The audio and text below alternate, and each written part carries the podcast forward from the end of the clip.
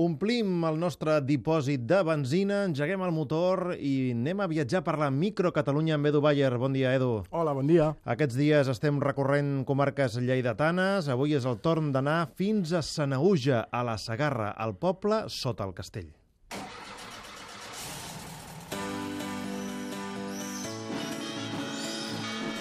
Viatgem per la microcatalunya. Municipi, Sanauja, comarca, Sagarra, gentilici, Sanaugenc o Sanaugí, habitants censats, 444, atur registrat l'any passat. 10%, Quan fan la festa major? el 8 de setembre. I tenen gegants? Sí, una parella, en Lleoner i la Tanàgia. Quina és l'estrella del poble? Les piscines, de les més grans i modernes de tota la comarca. I com es diu l'alcalde? Josep Condal, de Convergència i Unió. El microlloc. Després d'observar algunes de les eh, fotos que l'Edu ha portat avui de Sanauja, a mi hi ha una cosa que m'ha cridat molt l'atenció i és que el campanar i l'església estan separats. Per què? Com és això? Ah, sí, el que passa és que de sempre el campanar, la campana que regia el poble no era la de l'església, sinó que era la del castell, que està situat damunt del poble, de, de, dalt d'un turó, i que, pre, i que presideix amb una presència important tota la, tota la zona.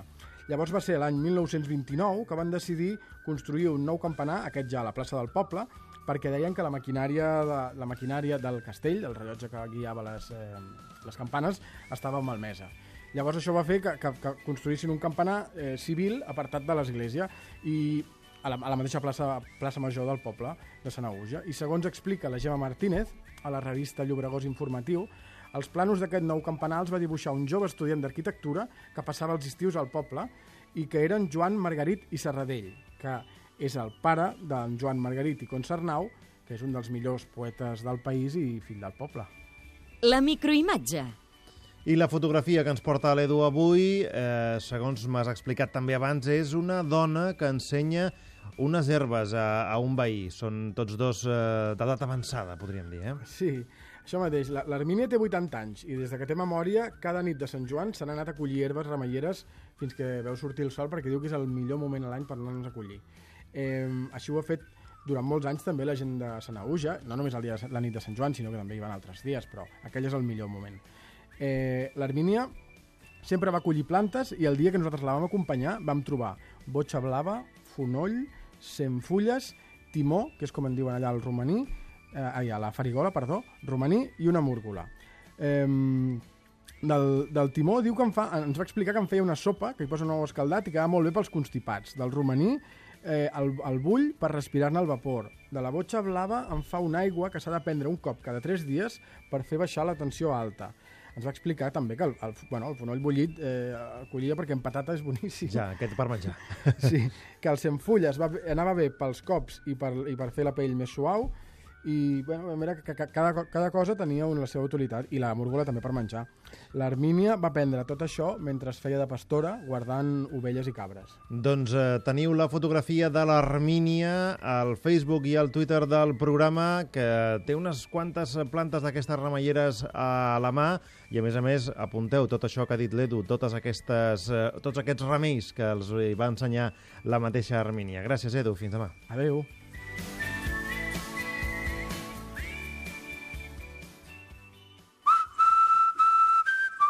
El microcatalà.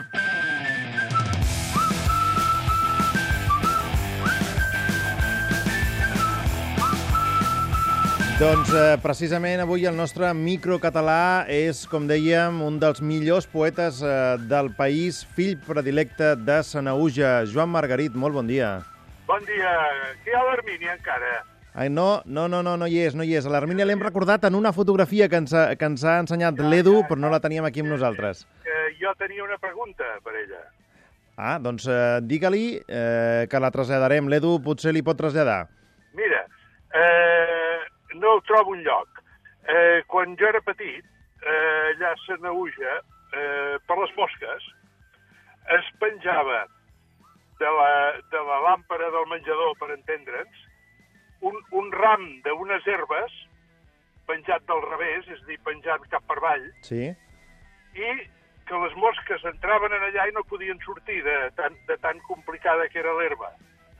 I era una herba que es feia servir per treure les mosques de, del, Saps que després van fer aquelles cintes que, tan fastigoses que les mosques s'hi enganxaven? Sí, que, sí, sí, Bueno, que eren doncs com una això- pega, sí.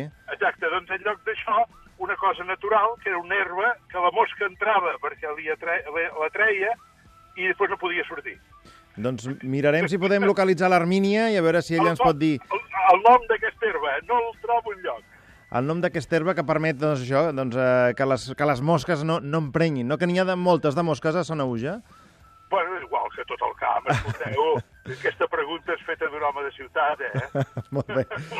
La mosca, afortunadament, encara és un ser viu que és general a tota, a tota la Terra, eh? I a l'Armínia la, la coneixes, de Sonauja? No, no. No, la coneixes, eh? No. Eh, per cert, Jo vaig marxar als 5 anys, eh? vas marxar als 5 anys de, de, del poble. Del poble, sí. Quins records en tens eh, d- d'aquell, bueno, d'aquesta petita estada a l'inici de la teva vida en, en aquest... Home, petita, petita però molt important, eh? Perquè, escolta, als 5 anys deixes les coses bàsiques fetes, eh? A dir, si seràs un home colèric, si seràs un home tranquil, eh, si tindràs més pors, menys pors, totes aquestes coses tan fonamentals estan fetes ja a aquella edat. I, i per tant, eh, són uns anys que, que com més vell em faig, més recordo aquells anys més que l'any passat, per entendre's, no?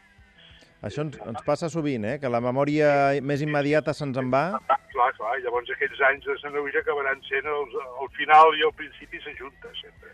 I no hi has, no hi has tornat? Sí, he tornat moltes vegades, i tant, he anat a fer recitals, i a vegades hi hem anat, hi hem anat una vegada vam anar a fer un recital amb el Xavier Ribalta, jo recitant i ell cantant, eh, no, no, he anat moltes vegades, sí, sí. Per tant, podríem El dir que... passa- El que, el que succeeix és que els meus avis allà hi tenien una, una vinya, petita, però una vinya, un hort, que estaven allà al costat de la riera, i, i, un, i una casa, una casa normal, diguéssim, modesta, normal de Sanaúja. I llavors, després de la guerra, van tenir que vendre-se-la per subsistir, tot això. Aquell moment de la postguerra que hi havia tants, tants problemes i tanta gana i tot plegat, doncs van tenir que vendre-s'ho.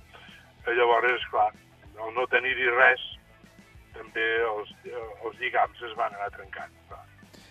Com va ser, per cert, que, que nasquessis a, a Sanaúja l'any 1938? Eh, Mira, les guerres, les guerres, una de les característiques que tenen és que això de fer l'amor puja, perquè és una mena de defensa de, és una, de, una defensa de, de, la, de, de la naturalesa per un, en un moment donat que s'eliminen els certs, doncs procura fer-ne de, fer de nous més ràpidament.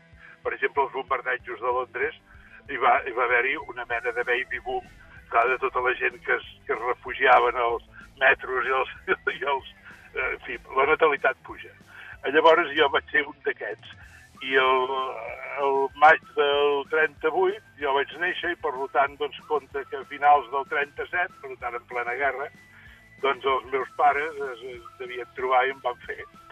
I, i el, a la batalla de l'Ebre, quan ja estava la república perdent la guerra, perquè va ser la batalla que va definir ja el final de, la, de les possibilitats de la república, doncs eh, durant la batalla de l'Ebre, que no estava pas massa lluny, una mica més avall, doncs eh, jo vaig, vaig néixer allà a Saneuja, va, vaig venir, la meva, mare, la meva mare ja feia temps que hi era, estava molt angoixada, tot això és la, el que a mi m'han explicat sempre, estava molt angoixada i volia anar a parir a Barcelona perquè, clar, ja no hi havia cap, cap, eh, cap eh, hospital, clínica, etc. no?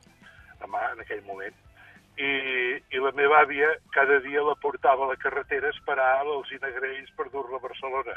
La meva àvia ja sabia que feia molts mesos que no hi havia cap autobús que passés, perquè la guerra no deixava, no deixava autobusos per enlloc. No?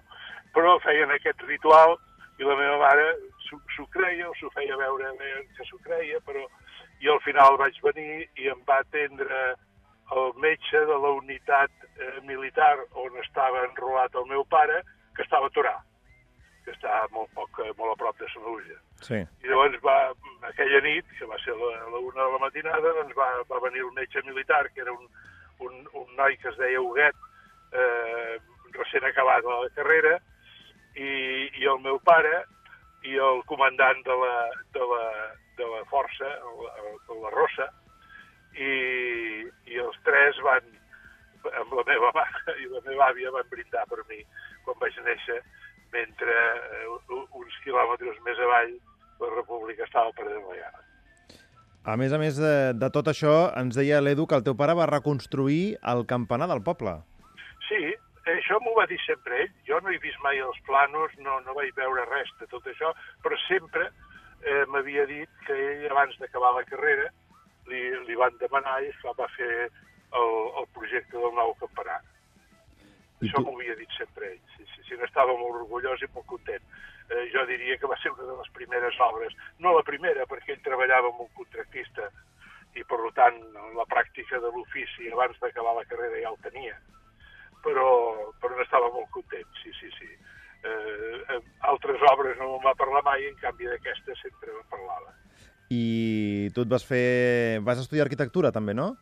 Sí, I va ser per això, per influència paterna? ho suposo.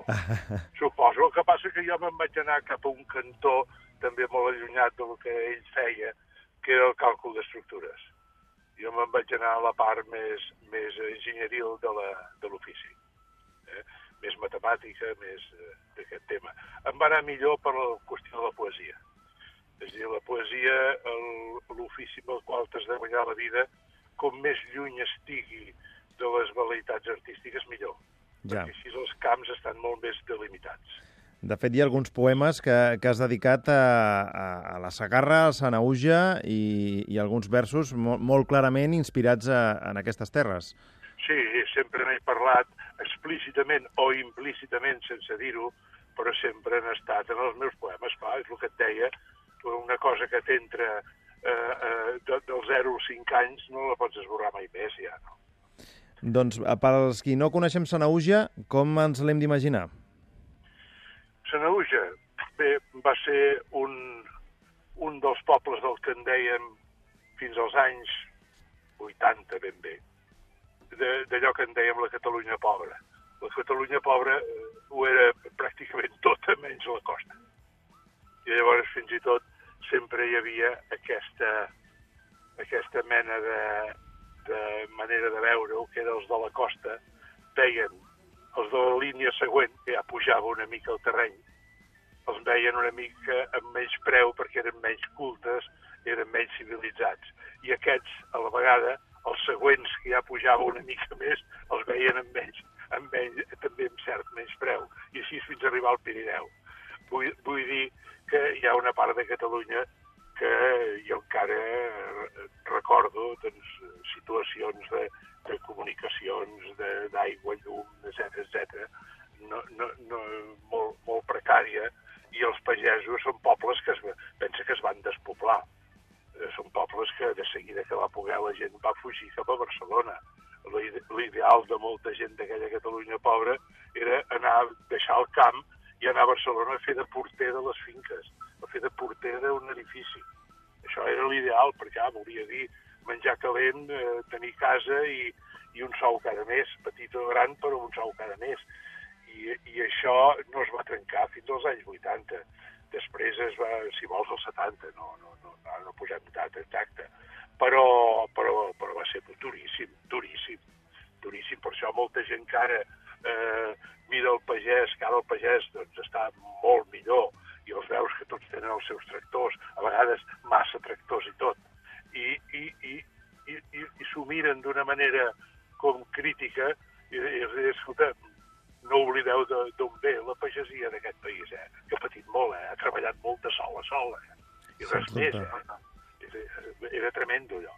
Doncs avui hem tingut en el nostre espai de Micro Catalunya una persona que va néixer en un micropoble, Sanauja, i que després es va convertir en Premi Nacional de Poesia. Joan Margarit, moltíssimes gràcies eh, per estar avui i acompanyar-nos al matí de Catalunya Ràdio. Molt bon dia. Gràcies a vosaltres.